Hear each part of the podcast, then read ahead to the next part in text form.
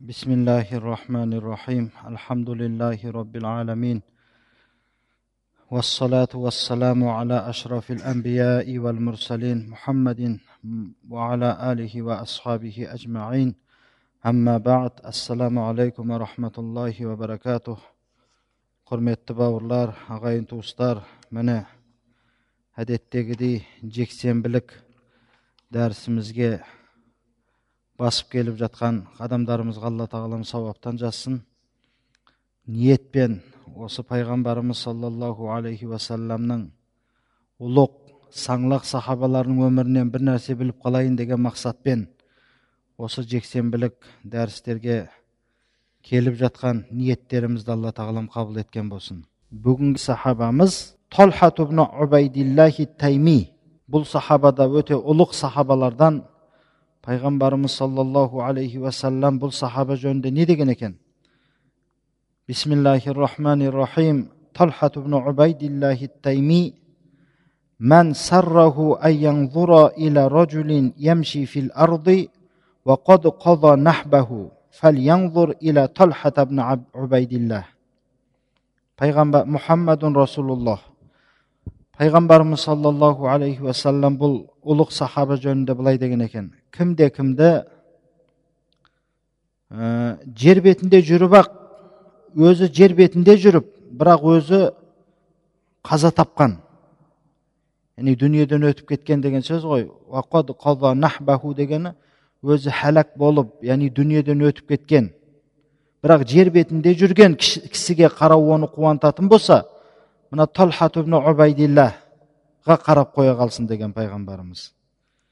Өзі тірі бірақ тірі жүріп жер бетінде ол қабірге түсіп кеткен деген сөз ғой. Ә, бұны енді қандай жағдайда айтылған? Әрине сәл қиындау сөз өзі түсіну. Өзі тірі жүріп қалай жер бетінде тірі жүріп бірақ қаза тапқан адамды көру қуантқан адам мына талхат ибн убайдиллаға қарасын деген пайғамбарымыздың сөзін қай мағынада қандай орында айтқандығын қазір білетін боламыз كان طلحة بن عبيد الله التيمي يمضي مع قافلة من قوافل قريش في تجارة له إلى بلاد الشام فلما بلغت القافلة مدينة بصرى حب الشيوخ من تجار قريش إلى سوقها العامرة يبيعون ويشترون طلحة بن عبيد الله التيمي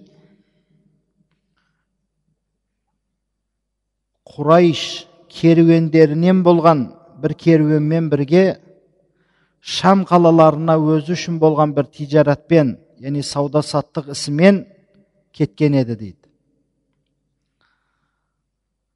әлгі құрайыштың керуені бусра қаласына жеткен кезде бусра дегеніміз бұл шам өлкесіндегі бір қаланың аты. Ол қара қала арабтар оның үлкен үлкен қасырларымен биік биік ғимараттарымен есте сақтап қалған. Яғни арабтарға сол қала сонысымен танымал болған. Бусра деген қалада қалаға құрайыштың керуені жеткен кезде құрайыштың саудагер қарттары керемет дамыған сол бусра қаласының базарларына сауда саттық жасау үшін асығып жүгіріп кіріп кетті яғни сауда саттық жасау үшін базарына кірді وعلى الرغم من أن طلحة كان شابا حدثا ليس له مثل خبراتهم في التجارة إلا أنه كان يملك من حدة الذكاء ونفاذ البصيرة ما يتيح له منافستهم والفوز من دونهم بأفضل الصفقات талхат ибн убайдилланың жап жас жасы кіші жігіт болғандығына қарамастан және де оның сауда саттық саласында әлгі қарияларға шалдарға ұқсаған білімі болмаса да бірақ оның зейінінің өткірлігі пікірінің өткірлігі сондай терең пікірлей білетін тез пікірлей білетін зеректігі өзінде бойындағы бар. Оған мүмкіншілік беретін еді сол қариялармен де тартысуға яғни сауда саттық саласында қариялардай былайша айтқанда тіс қаққан саудагер болмаса да сол қариялармен тайталасатындай оның зеректігі мен пікірінің өткірлігі оған мүмкіншілік беретін еді. Сауда саттықтың ең абзалырағын сауда саттықтың ең жақсырағын әлгі қариялардың шайхтардың алдында сауда саттықтың абзалына жетуге сауда саттықтың абзалын жасауға мүмкіншілік беретін еді дейді. Демек бұл жерден түсінгендігіміз әлгі құрайыштың керуеніндегі саудагерлер жастары үлкен қариялар әбден сауда саттық жасап тіс қағып қалған саудагерлер болған екен. Бірақ бүгінгі біздің кейіпкеріміз сахабамыз талхат ибн убайдилла жасы жас болғандығына қарамастан оның терең өткір пікірлеуінің нәтижесінде оның зеректігінің нәтижесінде әлгі шалдармен ақсақалдармен тайталасып сауда жасайтын және сол сауда саттықта бір жақсы нәтижеге қол жеткізетін мүмкіншілігі бар еді дейді яғни зерек адам болған екен да طلحة يروح ويغدو في السوق التي تموج بالوافدين عليها من كل مكان. حدث له أمر لم يكن سببا في تغيير مجرى حياته كلها فحسب وإنما كان بشيرا بتغيير سير التاريخ كله. فلنترك الكلام لطلحة بن عبيد الله ليروي لنا قصته المثيرة. Талхат ибн убайдилла әлгі бусраның базарына жан жақтан келген келушілердің яғни келушілермен қайнап жатқан бусра қаласының базарларында ары бері жүріп сауда саттық жасап жүріп оның өмірінің ағысын оның өмір жолының өзгеруіне себеп болатын нәрсе ғана емес бәлки бүткіл тарихтың ағысын бүкіл тарихтың сиратын өзгеруіне қуанышты хабар болып жететін бір іс болып қалды дейді сол жерде. Яғни ол талхат ибн ғана өмірінің тіршілігінің өзгеруіне себеп болып қалатын нәрсе ғана емес тек қана бәлки бүткіл тарихтың өзгеруімен бәшарат беретін қуанышты хабар беретін сүйіншіліп хабар беретін бір іс болды сол жерде дейді. Яғни бусраның қалалар әлгі бусра қаласының базарында. Ол қандай іс? Біз сол үшін сөзді бүгінгі сахабамыз талхат ибн убайдиллаға қалдырайық ол бізге өзінің әсер етуші әсерлі қиссасын өз аузымен айтып берсін дейді قال طلحة بينما نحن في سوق بصرى إذا راهب ينادي في الناس يا معشر التجار سلوا أهل هذا الموسم افيهم احد من اهل الحرم وكنت قريبا منه فبادرت إليه وقلت نعم أنا من أهل الحرم. فقال هل ظهر فيكم أحمد؟ فقلت ومن أحمد؟ فقال ابن عبد الله بن عبد المطلب هذا شهره الذي يزهر فيه وهو آخر الأنبياء. يخرج من أرضكم من الحرم ويهاجر إلى أرض أرض ذات حجارة صود ونخيل وسباخ ينز منها الماء فإياك أن تسبق إليه يا فتى талха айтады біз бұсраның базарында ары бері жүрген кезімізде адамдардың ішінде дауыстап жатқан рохибті рохиб деп христиандардың дін қызметкерін айтады дін басшысын айтады. Сол христиандардың дін қызметкерінің нида қылып айқайлап адамдардың ортасында дауыстап жатқанын естіттім дейді. Ол айтатын еді дейді ей саудагерлер жамағаты мынау маусымға келген кісілерден сұраңдаршы яғни маусым деп жалпы адамдардың ол хаж үшін жиналатын ба немесе бір сауда саттық үшін жиналатын ба бір үлкен жамағат жиналатын жерді маусым деп. Арабтарда сондай мусимдар болып тұрады. Соны айтып жатыр ей саудагерлер жамағаты мынау жиналған кісілерден сұраңдаршы бұлардың ішінде харамнан келген кісі бар ма екен? Бұл жерде харамнан деген мақсат меккеден келген кісі бар ма екен? деп әлгі рохибтің айқайлап жатқан сөзін естіттім дейді. Мына талхат мен оған жақын жерде тұр едім дейді әлгі рохибке. Асығып оның қасына бардым да иә мен келдім меккеден. Мен харамнан келген адаммын дедім. Сол кезде маған әлгі рохиб тұрып сендерде ахмад деген кісі пайда болды ма? деп айтты дейді. Ахмад мен айттым дейді. Кім ол ахмад деген? деп. Сөйтсем әлгі рахып айтты дейді. Ибн абдиллах ибн абдил мутталиб яғни пайғамбарымыздың аты мұхаммад ибн абдиллах қой яғни ибн абдиллах ибн абдил мутталиб ахмад ол абдилланың баласы абдилла ол абдул мутталибтің баласы сондай адам пайда болды ма сендерде оның шығатын айы өзі осай қараңыз алдыңғы христиан дін өзі бүкіл дін ислам діні болды ғой бүкіл пайғамбарлар ислам дінімен түсті келді сол кезде де өзге әлгі христиан дінінің өкілдері тура жолда болған адамдар болған.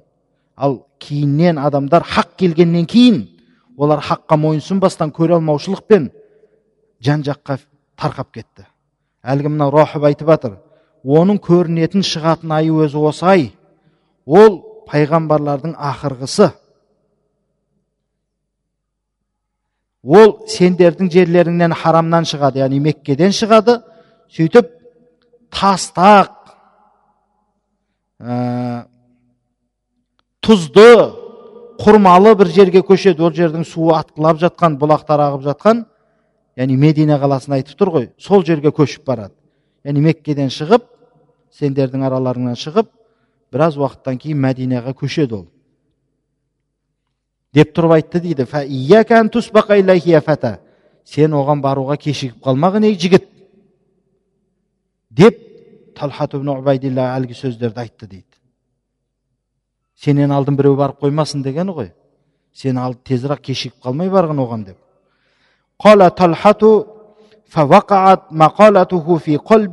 فبادرت إلى مطاياي فرحلتها وخلفت القافلة ورائي ومضيت أهوي هويا إلى مكة فلما بلغتها قلت لأهلي أكان من حدث بعدنا في مكة؟ قالوا نعم. قام محمد بن عبد الله يزعم أنه نبي وقد تبعه ابن أبي قحافة يريدون أبا بكر.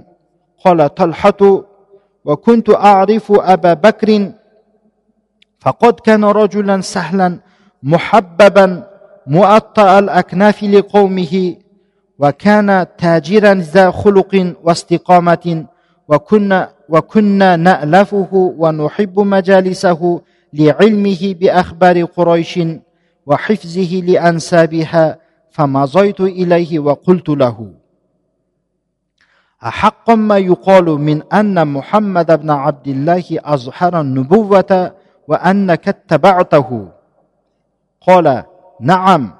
وجعل يقص علي من خبره ويرغبني في الدخول معه فأخبرته خبر الراهب فدهش له وقال هلم معي إلى محمد صلى الله عليه وسلم لتقص عليه خبرك ولتسمع ما يقول ولتدخل في دين الله мен әлгі рахыптың сөздерін естіттім дейді содан кейін менің қалыбымда оның сөздері бір әсер қалдырды. Мен жүрегіме бір әсер берді әлгінің сөздері. Мен тез барып түйемді асығыс дайындап жүктерімді түйемнің үстіне артып өзім бірге келген керуенді артыма тастап меккеге қарай тез жөнеп кетіп қалдым дейді. Қараңыз алла хидаят берем десе адам баласына қандай өзі бір шам қаласында жүр. Әлі пайғамбарымыздың пайғамбар болмай тұрып бір христианның сөзімен саудагершілікте жүрген адам жүрегіме әлгі рохибтің сөзі қонып әсер беріп мен тез түйемді дайындадым да жүктерімді арттым да келген керуенімді тастап кеттім дейді. Жетіп ақ меккеге өзімнің отбасымнан әхлімнен сұрадым дейді. Біз кеткеннен кейін меккеде бір оқиға болды ма? бір жаңалық бар ма меккеде деп? Өзімізде бір жаққа шықсақ қайтып келгеннен кейін міндетті түрде сұраймыз ғой. Не жаңалықтар бар деп сұраймыз ғой? Анау сол сияқты біз кеткеннен кейін меккеде бізден кейін бір жаңалық болды ма? деп едім менің әхлім айтты дейді. Иә. Мына мұхаммад ибн абдилла шықты. Яғни мұхаммад ибн абдилла ол өзін пайғамбармын деп ойлап жатыр және оның артынан ана әбу құхафа хазірет әбу бәкірдің аты әбу құхафа ол да оның артынан еріп кетті дейді. Сонда талха айтып жатыр мен әбу бәкірді білетін едім дейді. Әбу бәкірді білетін едім. Ол қош мәмілелі кісі болатын дейді. Және өзінің қауымына жағымды өзінің қауымына сүйкімді бір кісі болатын дейді. Яғни ләйин әл жәниб дейді сондай бір жұмсақ қауымы оны жақсы көретін қош мәмілелі бір жақсы кісі болатын. Мен әбу бәкір сыдық разиаллаху анхуды білетін едім дейді талха. Бұл әлі исламға дейінгі болып жатқан әңгіме ғой енді. Және ол әбу бәкір сыдық разиаллаху анху бір жақсы құлық иесі саудагер болатын. Және бір тура шыншыл бір адам болатын. Біз оны дос тұтатынбыз. Оның мәжілістерінде отыруды біз жақсы көретінбіз. Өйткені оның мәжілістерінде отыруды жақсы көретін себебіміз ол құрайыштың өткен хабарларын жақсы білетін. Ана шежірелі бір қариялар болады ғой өзі. Сол сияқты ол құрайыштың хабарын жақсы білетін. Және құрайыштың нәсәбінің хабарын. Тегін шыққан тегін жақсы жаттаған кісі болатын. Біз сол жағынан әбу бәкір сыдық разиаллаху анхуды жақсы білетінмін дейді. Содан кейін мен әбу бәкір сыдықтың алдына бардым оған айттым дейді. Мына мұхаммад ибн абдиллахны пайғамбарлықты жариялап жариялағандығы жөніндегі айтылып жатқан нәрселер хақ па? Рас па бұл нәрсе деп сұрадым дейді барып. Сен және әбу бәкір сыдық сен соның артынан еріпсің? Сен оның артынан еріпсің ол өзін пайғамбармын деп жариялапты. Осы нәрсе хақ па? Рас па деп сұрадым дейді барып. Сол кезде хазіреті әбу бәкір сыдық разиаллаху анху иә рас! деп пайғамбарымыз саллаллаху алейхи уассаламның хабарын маған айтып берді дейді. Және мені өзімен бірге пайғамбарымыз саллаллаху алейхи уассаламның дініне кіруге қызықтырды дейді. Сол кезде мен оған шам қаласындағы базардағы рахибтің әңгімесін айтып бердім дейді. Осылай біз базарда жүр бір рахып осылай ахмад деген біреу шықты ма? Ибн абдиллах ибн абдул мутталиб ақырғы пайғамбар деген деген сияқты естіген хабарымды айтып бергенімде әбу бәкір сыдық разиаллаху анху таң қалып қалды дейді сөйтіп сұрады дейді менен маған айтты дейді жүр менімен бірге мұхаммад алейхисаламның алдына барамыз сен оған хабарыңды айтып бересің естіген хабарыңды және оның не айтатынын естесің және алланың дініне кіресің менімен бірге жүргін мұхаммадтың алдына барамыз деді قال طلحة فمضيت معه إلى محمد فعرض علي الإسلام وقرأ علي شيئا من القرآن وبشرني بخيري الدنيا والآخرة. فشرح الله صدري إلى الإسلام وقصصت عليه قصة راهب بصرى فسر بها سرورا بدا على وجهه. ثم أعلنت بين يديه شهادة أن لا إله إلا الله وأن محمدا رسول الله. فكنت رابع ثلاثة أسلم على يدي أبي بكر.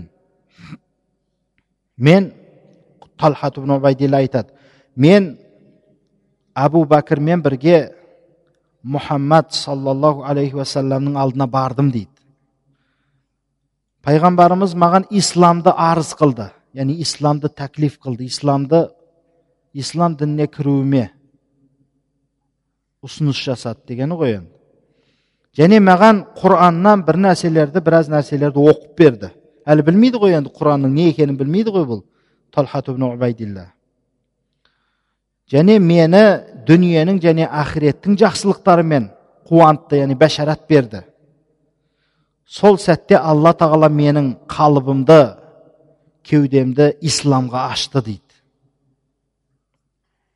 мен пайғамбарымызға бұсра қаласындағы базардағы рахиптің қиссасын айтып бердім дейді пайғамбарымыз шынымен қуанып қалды дейді әлгі сөздерді естігенде өйткені пайғамбарымыздың қуанышы жүзінде көрінді дейді.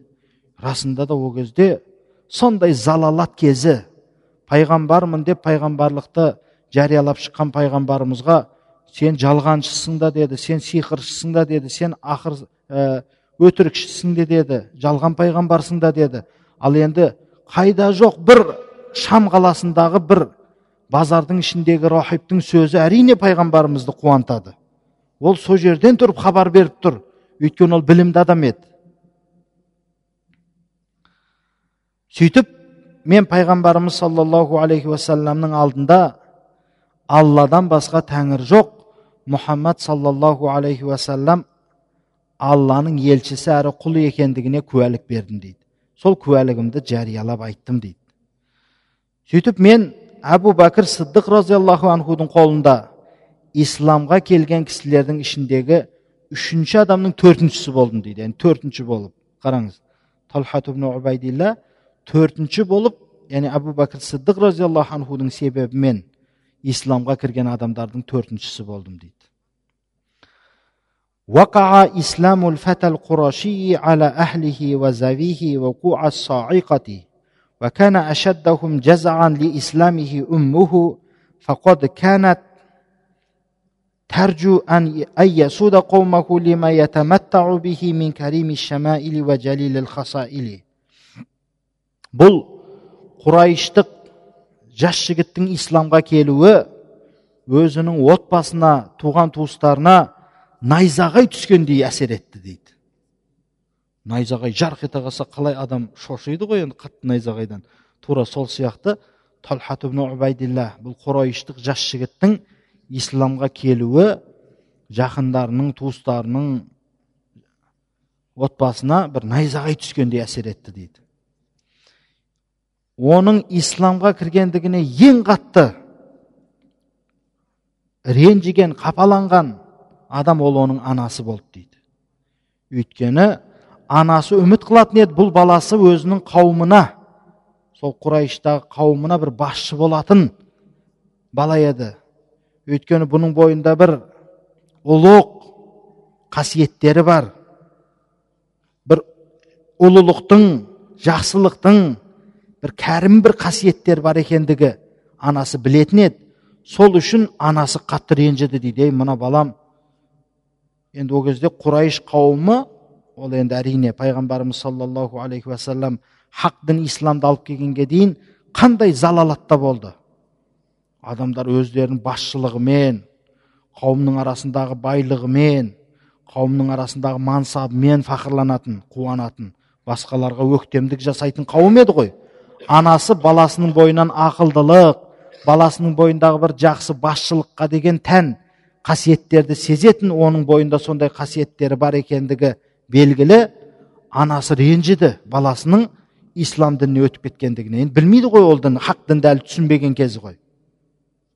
Ренжіді анасы қатты. Осы біз өзіміз де бір қызық айтайын.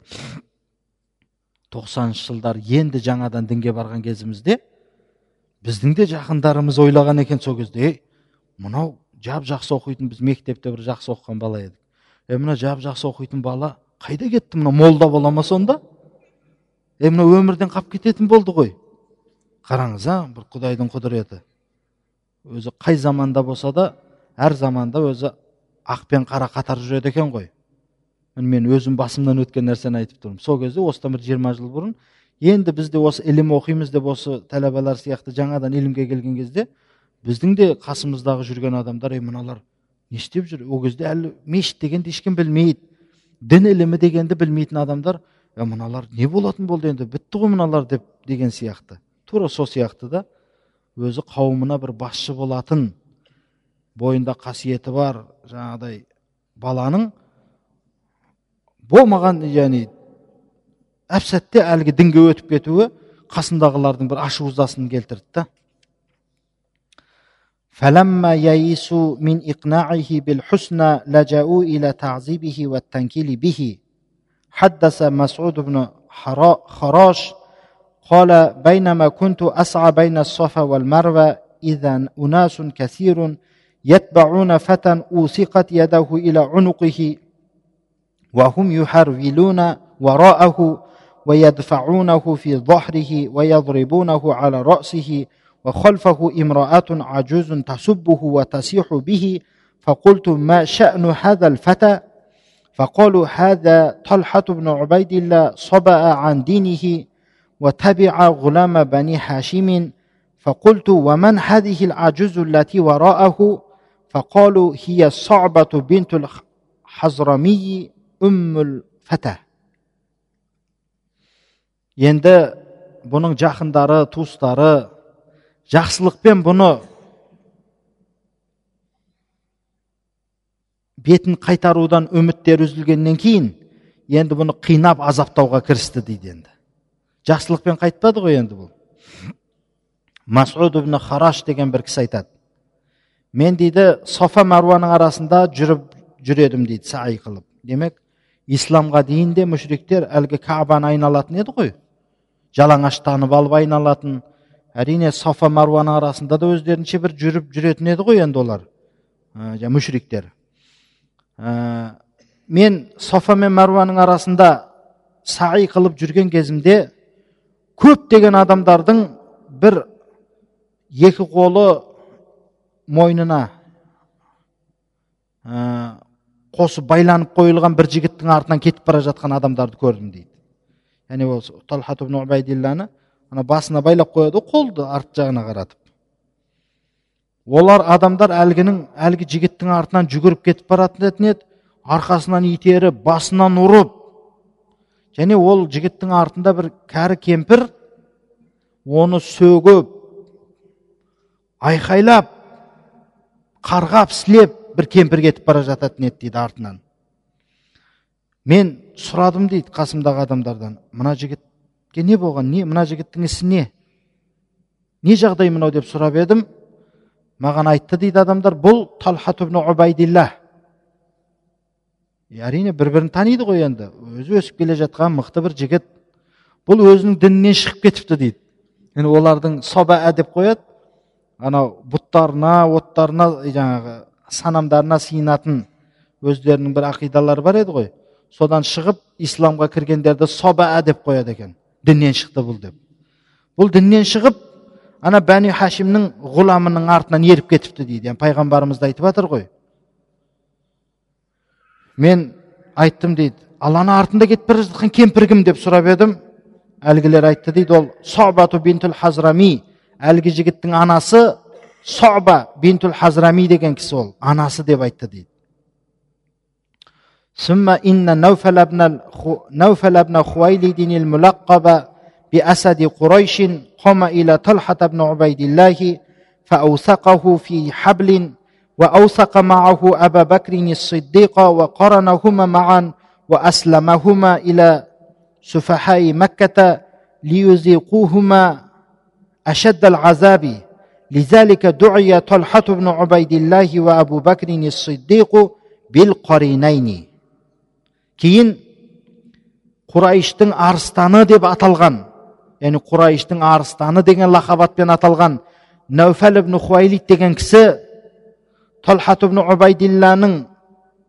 қолын жіппен байлап және оның қасына әбу бәкір сыддық разиаллаху анхуды да бір жіппен қоса, қосарлана байлап екеуін қосақтап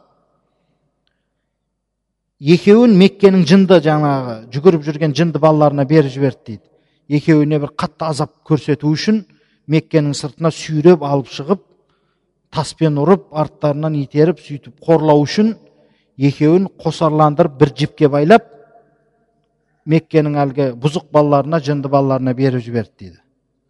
Сол үшін де талхат убайдилла мен әбу бәкір сыддық разиаллаху анху екеуін қаринайын деп аталған екен. Яғни қосарланып бір жіпте байланып жүргені үшін екі жақын яғни қосақтасқан деген сияқты қосарланған деген сияқты екеуі бір жақын жіпте байланып солай азап көргендігі үшін екеуін қаринайын деп те аталған екен ثم جعلت الأيام تدور والأحداث تتلاحق وطلحة بن عبيد الله يزداد مع الأيام احتمالا وبلاؤه في سبيل الله ورسوله يكبر ويتعاظم وبره بالإسلام والمسلمين ينمو ويتسع حتى أطلق عليه المسلمون لقب الشهيد الحي ودعاه الرسول عليه الصلاة والسلام بطلحة الخير وطلحة الجود وطلحة الفياض ولكل من هذه الألقاب قصة لا تقل روعة من عن أخواتها кейін адамда ә, күндер айналып өтіп жатты дейді оқиғалар кетпе кет бірінен кейін бірі болып жатты дейді талхат ибн убайдилла күн өткен сайын кемелдене түсті дейді алланың және алланың расулының жолындағы оның емтиханы сынағы күннен күнге үлкейе бастады дейді исламға және мұсылмандарға болған оның жақсылығы күннен күнге өсіп кеңейе бастады дейді тек қана жақсылық жасайтын адам болған екен да сол үшін де мұсылмандар оған шахидул хай тірі жүрген шахид. Өзі шахид деген өлген адамды айтады. Тірі жүрген шахид деп те ат қойды дейді мұсылмандар. А пайғамбарымыз саллаллаху алейхи уассалам оны талхатул хайр яғни жақсылықтың талхасы деп. Талхатул жуд жомарт талха деп. Талхатул файяз файяз деп те сол қолы ашық беретін жомарттың бір мағынасы ғой. Сондай аттармен ат, атай, атап пайғамбарымыз оны шақыра бастады. Және осы әрбір лақап аттары үшін бір қисса бар еді дейді әдемілігі жағынан бірінен бірі қалмайтын сондай бір керемет қиссалар бар еді дейді. Бұның әрбір ат әлгі лақап аттары үшін шахидул хай талхатул хайр талхатул жуд талхатул файяз деген payg'ambarimizning qo'ygan haligi laqab attari uchun keremet bir qissalar bor edi deydi. Amma qissatu talqibihi bi shahidil hayyi فكانت يوم أحد حين انهزم المسلمون عن رسول الله صلى الله عليه وسلم ولم يبقى معه غير أحد عشر رجلا من الأنصار وطلحة بن عبيد الله من المهاجرين al endi shahidul hay тірі жүрген шахид деп лақабат қоюының пайғамбарымыздың қиссасы ол ухуд күнінде болған еді дейді. Білесіздер ухуд күні мұсылмандардың жеңіліс тапқан күні еді. Онда да не себептен пайғамбарымыз саллаллаху алейхи уассаламның сөзіне итаат қылмағандығы үшін қай бір қоғамда қай бір кезде жалпы басшының сөзіне итаат қылынбаса ол басшыға мойынсұнмаса ол қоғамда береке болмайды. Мәселен біздің мемлекет басшымыздың дін басшыларымыздың айтқан сөздері ол сол қоғамның әрбір мүшесіне орындауы тиіс болған ләзім болған істер. Сол үшін де ол мемлекетті басқарып тұрған сол үшін де дінді басқарып тұрған адамдар. Сол кезде де пайғамбарымыз саллаллаху алейхи уассалам әлгі бір жотаның басына бір садақшыларды елуге тарта садақшыларды қойып біз ана жерде ойпат жерде жеңіске жетсек те жеңілсек те сендер түспеңдер орындарынан қозғалмаңдар деді. Бірақ бірінші сәтте әлгі жазық жерде жеңіске жеткенін көрген әлгілер олжадан құр қалып кетпейік деп жүгіріп бірнешеуі түсіп кетті пәске. Сол кезде халид ибн валид бастаған ол кезде әлі мұсылман болмаған еді. Мүшриктердің әскері келіп артынан келіп қаншама сол кезде ұлық сахабалар шәһид болған өте мұсылмандар үшін ауыр бір күн болған күн еді ухуд күні. Міне сол күнде шәһидул хай деген атақ алған күні сол күн екен. Сол күнде мұсылмандар пайғамбарымыз саллаллаху алейхи уассаламды тастап шегініп кеткен кез болды. Яғни сондай бір шатасып мұсылмандар сондай бір қорқуға түсіп сол кезде пайғамбарымыз алейхисаламның қасында 11 ғана кісі қалған екен аңсорлардан болған. Мәдиналық аңсорлардан болған 11 ғана кісі және меккелік мұхажирлерден болған убайдулла ә, талхат ғана қалған екен. Он шақты адам қалған пайғамбарымыз алейхисалам қасында. وكان النبي عليه الصلاة والسلام يسعد هو ومن معه في الجبل فلحقت به عصبة من المشركين تريد قتله فقال عليه الصلاة والسلام من يرد عنا هؤلاء وهو رفيقي في الجنة؟ فقال طلحة أنا يا رسول الله. فقال عليه الصلاة والسلام لا مكانك فقال رجل من الأنصار أنا يا رسول الله. فقال نعم أنت.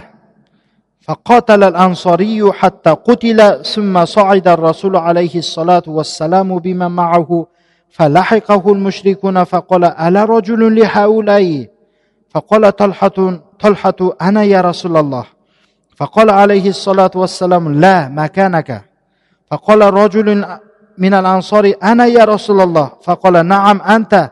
ثم قتل الأنصاري حتى قتل أيضا. وتابع الرسول صعوده فلحق به المشركون فلم يزل يقول مثل قوله.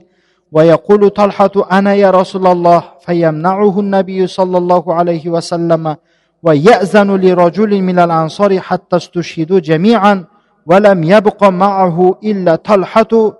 فلحق به المشركون فقال لطلحة الآن نعم мына бір керемет бір ғажап оқиға екен пайғамбарымыз саллаллаху алейхи уассалам сол ухуд соғысында өзімен бірге қалған әлгі он шақты ғана кісімен бірге ухуд тауына қарай көтерілетін еді әлгі мүшриктердің зиянынан қорғану үшін біле білсеңіздер сол соғыста пайғамбар өлтірілді дегенде хабар тарап кеткен еді ухуд соғысында. Яғни мұсылмандардың рухын төмендету үшін расында пайғамбар дүниеден өтті ме екен деген қорқыныш кіріп қалды мұсылмандардың қалыптарына. Сол үшін олар шегінді. Жаңа қалған кісілермен бірге пайғамбарымыз саллаллаху алейхи уассалам тауға қарай ентіліп тауға қарай көтеріле бастады. Сол кезде әлгі пайғамбарымызды өлтіруді қалаған мүшриктер бір тобы пайғамбарымыздың артынан қалмастан тауға қарай артынан еріп пайғамбарымыздың қайткенде де бүгін мұхаммадты өлтіреміз деп сондай қаст қылып олар ниет қылып келген еді сол күні тайлы тұяғымен қалмай білесіздер ғой арттарына әйелдерін қойып қойып тұрып мүшриктер неше түрлі жаңағы сырнай кернейлетіп сол кезде пайғамбарымыз алейхисалату вассалам мынау адамдардан мынау адамдарды бізден қайтаратын кім бар екен? Сол адам менімен бірге жәннатта бірге болады деді пайғамбарымыз. Ана артымыздан бізге бізбен соғысуға келе жатқан мына мүшриктерді қайтаратын кім бар екен? Бізден тыятын сол адам менімен бірге жәннатта болады деді пайғамбарымыз сол кезде талха убайдилла мен я расулалла деп еді. Пайғамбарымыз алейхисалам жоқ сен орныңда тұр деді. Сен соғыспа қазір деді.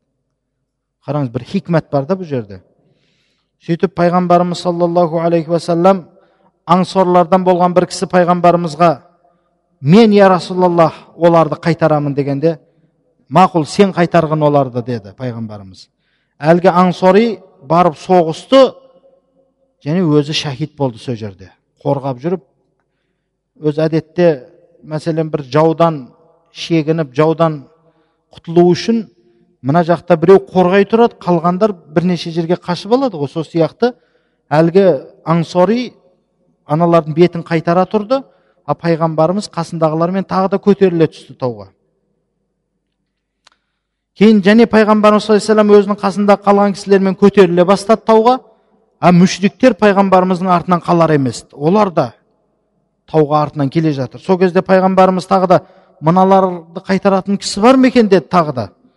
Тағы да аңсорилардан бір кісі тұрып ә жоқ талхат мен я расулалла деген кезде жоқ сен орныңда тұр деді илзим мәкәнәк мекеніңде орныңда тұр сен сен емес деді сол кезде ансорлардан болған тағы бір кісі мен я расулалла деп ол да шығып әлгі мүшриктермен соғысып жатып ол да шахид болды сол жерде өлтірілді сөйтіп пайғамбарымыз саллаллаху тауға көтеріле берді артынан мүшриктер де қалмай көтеріле берді қысқасы пайғамбарымыз әр көтерілген сайын әлгілер артынан жет, жетіп келген сайын кім бар екен мыналарды тыятын мыналарды қайтаратын дегенде аңсорлардан болған әрбір кісі мен я расулалла деп шығып бірақ әр сол айтқан кезде талхат мен деп атылып шыға береді екен. Сонда пайғамбарымыз сен орныңда тұра тұр өйткені бұл меккелік мұхажирлерден жалғыз өзі пайғамбарымыздың қасында.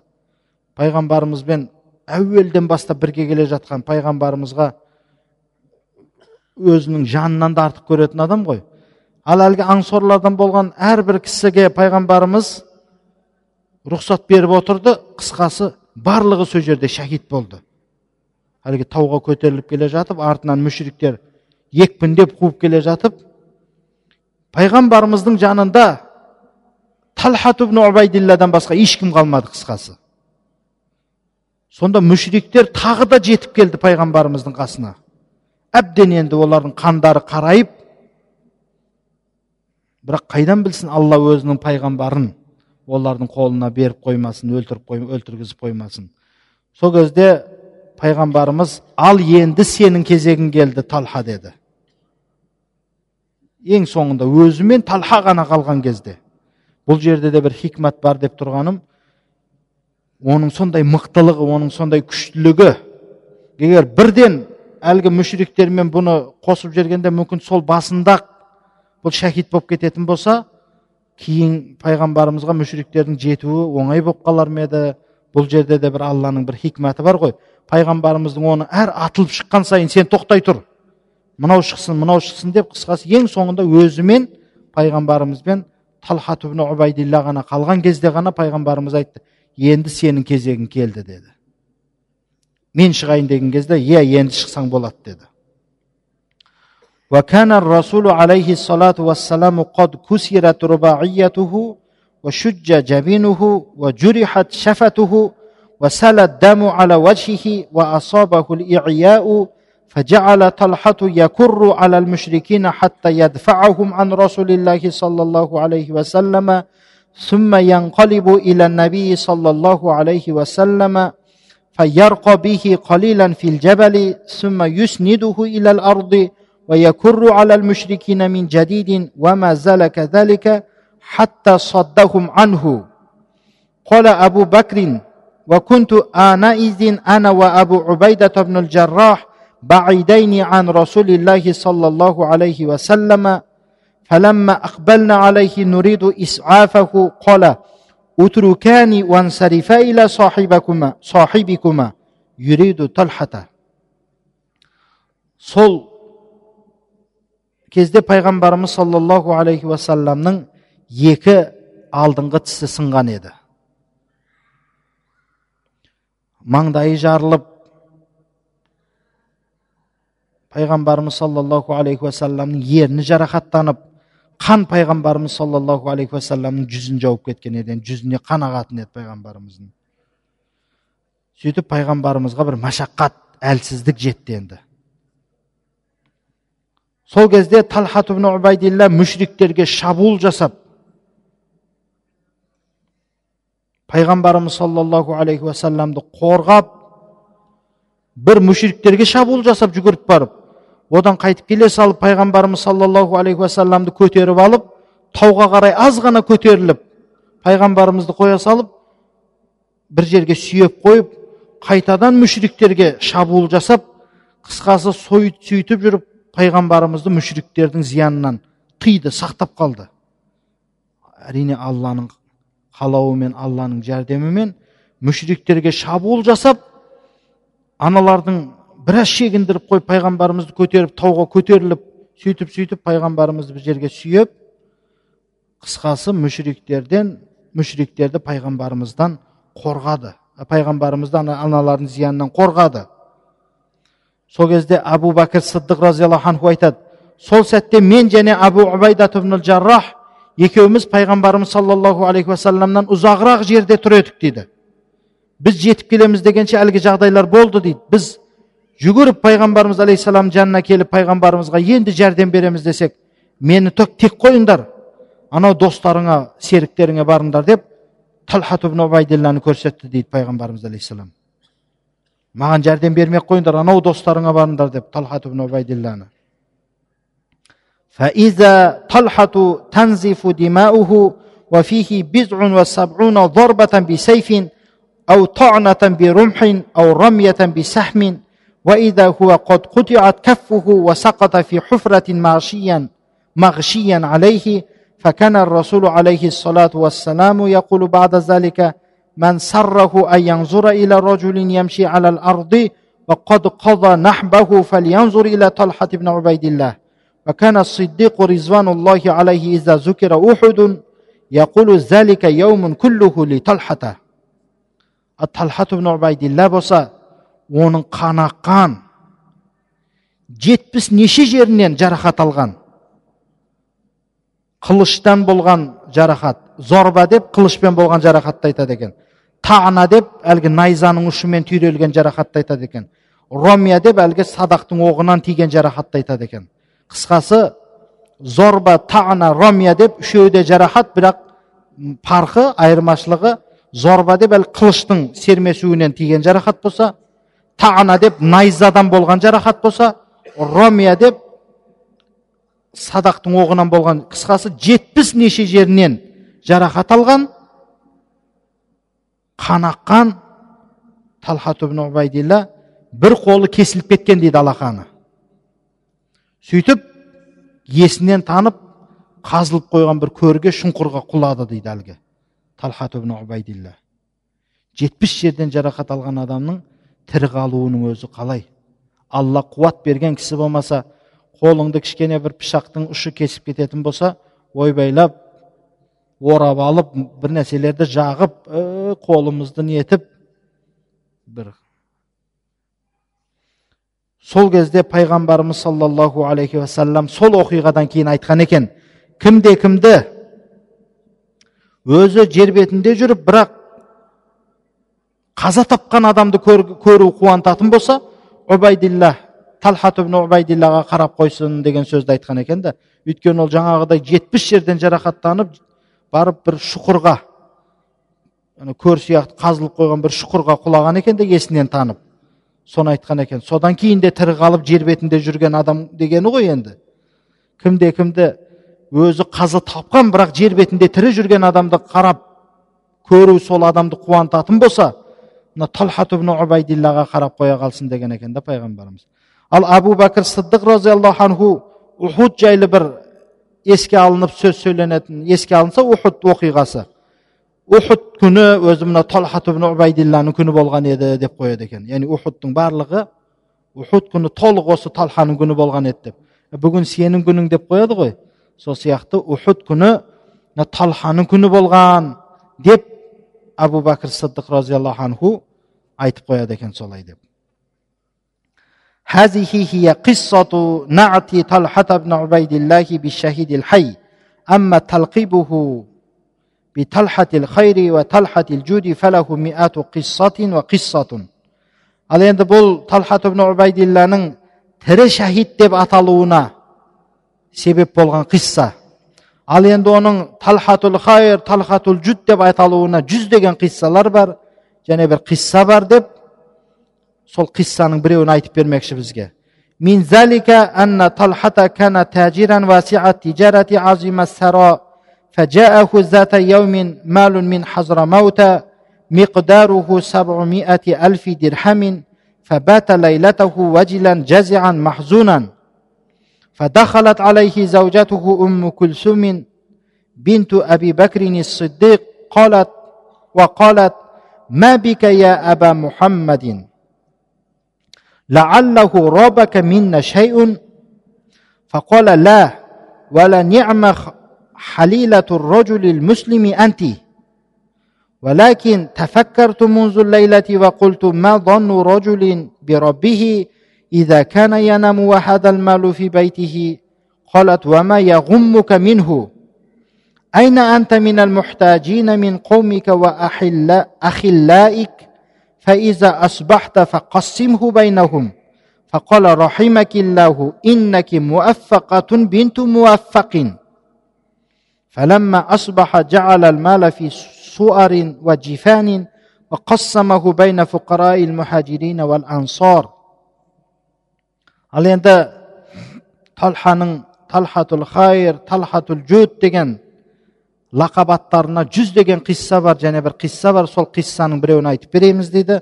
Әлбетте талха саудагер байлығы көп. Сауда саттығы кең тараған сондай бір саудагер кісі болатын. Бір күні оған хазрамауттан хазрамаут деген жерден шамасы бір мың жеті жүз дирхам шамасында мал дүние келді дейді. Сол түні қорқып қапаланып ренжіп ұйықтады дейді ол кісі. Түнді өткізді дейді. Талхат оның алдына кірген жұбайы пайғамбарымыз әбу бәкір сыдық разиаллаху анхудың қызы үммі күлсім жұбайы алдына кіріп оған айтты дейді. Не болды сізге ей әбә мұхаммад демек мұхаммад деген баласы болған екен бұл кісінің де. Бізден сізге бір ренішті нәрсе жетіп қалды ма? Яғни біз ренжітетіндей бір нәрсе жетті ма сізге? Не болып қалды? Неге бұндай қапалысыз ренжітіп қойдық па сізді? дегені ғой. Сонда енді әбу бәкір сыдық разиаллаху анхудың қызы ғой үмі күлсім сол кезде талхат айтып жатыр сен мұсылман кісінің қандай жақсы жұбайысың деп әйеліне жаңағы мақтау айтып жатыр да сен бір мұсылман адамның қандай бір жақсы әйелісің серігісің жұбайысың. Бірақ дейді мен бұл түнде пікірлеп ойланып шықтым дейді. Өзінің үйінде осыншама мал дүниесі тұрып ұйықтаған адамның аллаға болған күмәні қандай екен деген бір жаман ойда өткіздім бұл күнді дейді. Ол дегені өзім мал дүниемді қасыма алып алып тура бір тәуекелі жоқ бір ризықтың қамын жеген адам сияқты түн өткізгеніме қапаланып жатырмын дегені ғой. Кісінің ойы не, не екен раббысына болған ойы ол өзі ұйықтайды қасында мынандай мал дүниесі көп болып дейді да. Ол кісінің ойы не екен деген сөз ғой. Ол деген раббысына болған оның күмәні қандай? Күмәні бар ма екен оның раббысына? Раббысы оған ризық бермей қояды деген күмәні бар ма екен? Осыншама мал дүниені қасына жинап алып жатып ұйықтайтындай деген пікірмен мен таң атқыздым. Ренжідім дегені ғой. Сол кезде сізді ғамға салып жатқан нәрсе осы ма? Әйел айтып жатыр сіздің мұқтаж қауымыңызда адамдарыңыз бар достарыңыз бар таң атқаннан кейін соларға бөліп бере салыңыз мына мал дүниеңізді деп айтты дейді әйелі. Сол кезде алла саған рахмет етсін. Сен муаффақату бинту муаффақин өзі муаффақ деп бір нәрсеге сәйкестендірілген деген мағынаны береді қазақшада. Сен жақсылыққа сәйкестендірілген жақсылыққа лайық адамсың және жақсылыққа лайық қылынған адамның қызысың деген сөз ғой. Яғни әбу бәкірдің қызы сен әлбетте осындай муаффақатун бинту муаффақин. Яғни жақсылыққа лайық қылынған. Муаффақтың қызы муаффақасың сен деп мақтап жатыр да әйелін сөйтіп таң атқаннан кейін әлгі мал дүниенің барлығын бір қалталарға үлкен үлкен қалталарға салып оны мұхажирлермен болған ә, мен аңсорилардан болған мұқтаж кедейлерге таратып берген екен мал дүниесінің барлығын. وروي أيضا أن رجلا جاء إلى طلحة بن عبيد الله يطلب رفته وذكر له رحما تربطه به فقال طلحة هذه رحم ما ذكرها لأحد من قبل тағы бір риуаят қылынған екен талхат ибн убайдилланың алдына бір кісі келіп одан жәрдем беруін бір нәрсе беруін сұраған екен және оған екеуміздің арамызды бір байлап тұратын бір туысқандық бар деп өзінің туысқандығын айта кеткен екен. Е мен сенің нағашыңмын мен сенің жиеніңмін деген сияқты ғой енді. Сол кезде талха не деді? десеңізші. Бұл туысқандық бұған дейін маған бұндай туысқандықты ешкім айтпаған еді дейді. Өйткені ол кезде ухуватул ислам бар еді. Тек қана мұсылмандық туыстық бар еді ол кезде сахабалардың арасында. Ол бір бірін бір бірі үшін жан беретін. Білесіздер ма бір оқиғада өзі шөлдеп жан тапсырайын деп жатқан сахабаға сол ухуд соғысында болса керек су алып барып берсе анаған апар дейді. Оған апарса анаған апар дейді. Қысқасы оған апарғанда жан тапсырады мынаған қайтып келсе бұл да жан тапсырған бұған қайтып келсе бұл да жан тапсырған. Сондай сахабалардың арасында махаббат сондай туыстық бар еді. Әлгі кісі келіп енді маған бір нәрсе берсін деген мақсатпен екеуінің арасындағы туыстықты байлап тұратын бір туыстықты айтқан кезде айтқан екен ли ахадун мин бұндай туыстықты маған бұрын ешкім айтпаған еді деп е сен туыстығыңды айтпасаң да мен саған беремін ғой деген сөз ғой енді ол وإن لي أرضا دفع لي فيها عثمان بن عفان ثلاثمائة ألف فإن شئت خذها وإن شئت بعتها لك منه بثلاثة بثلاثمائة ألف وأعطيتك الثمن فقال الرجل بل آخذ ثمنها فأعطاه إياه мына жер депті мына жер бұл жер үшін маған усман ибн аффан бір мың үш жүз дирхам берген еді дейді мына жерім бар менің осы жерім үшін маған осы жерге усман ибн аффан бір мың үш жүз дирхамға сатып аламын деген еді егер қаласаң осы жерімді ал немесе осы жерімді өзім сатып алайын сенен сөйтіп ақшасын берейін дейді әлгі адамға. Өз жерімді өзім сатып ал ол дегені е жерді ал е ақшасын ал деген сөз ғой. Сөйтсе әлгі кісі ақшасын алам деп айтып жатыр бір мың үш жүз дирхам деген ол үлкен ақша ғой енді ол. Ол жерді бере ақшасын берген екен әлгі кісіге. Сондай әдемі айтты да мына жерді усман ибн аффан маған бір мың үш жүз дирхам беремін деп еді. Өзі бұл жер бір мың үш жүз дирхам тұрады дегені ғой. Алам десең осы жерді ал немесе бұл жерді мен өзім сатып алайын да саған ақшасын берейін дейді да ханиян لطلحة الخير والجود هذا اللقب الذي خلعه عليه رسول الله صلى الله عليه وسلم ورضي الله عنه ونور له في قبره мүбәрәк болсын талхатул хайр талхатул жуд деген осы лақабаттар ол атты пайғамбарымыз саллаллаху алейхи уассалам оған кигізген еді дейді және алла разы болған болсын оған және қабірінде алла тағала оған нұр берсін дейді. Яғни қабірін нұрландырсын оның дегені ғой. Деп таймидің де қиссасын осы жерден тәмамдаған екен.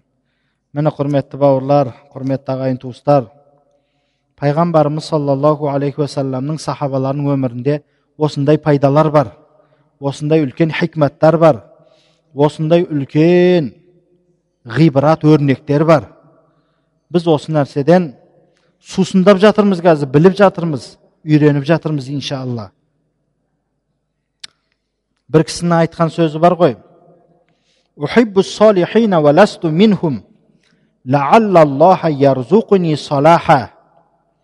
Мен алланың сүйікті пенделерін жақсы көремін бірақ өзім олардан емеспін. Кәне енді алла тағала мені де бір ізгілікпен ризықтандырса? Деген сияқты осындай алланың сүйікті пенделері пайғамбарымыз саллаллаху алейхи уассаламның ұлық сахабаларының өмірлерін оқу арқылы біз де бір ізгілікке ризықтанып қалсақ алла тағала біздің де бойымызға бір жақсы қасиеттерді сіңдірсе бізге де алла тағала әлгіндегідей лақабаттарды иеленуді еш болмаса мынау жақсы адам еді дейтіндей бір артымызда бір ат қалатындай бойымызда бір қасиетті пайда қыла алсақ қане енді алладан соны үміт етеміз иншалла وآخر دعوانا أن الحمد لله رب العالمين ربنا فاغفر لنا ذنوبنا وكفر عنا سيئاتنا وتوفنا مع الأبرار يا رب الله يا жаратушиеміз осы айтылған пайғамбарымыз саллаллаху алейхи уассаламның саңлақ сахабаларының өмірін біздерге үлкен дәрежеде өрнек болуын үлгі болуын аллам өзің нәсіп еткін медресемізде оқып жатқан тәләбаларымызға алла тағалам өзің пайдалы илім беріп сол илімдерімен дінімізге отанымызға қызмет етуді алла тағалам өзің нәсіп еткін елімізге амандық жерімізге тыныштық беріп алла тағалам барлықтарымыздың шаңырақтарымызға шаттық қуаныш берсін. Біздерге алла тағалам пайдалы илім берсін. Аллаху акбар.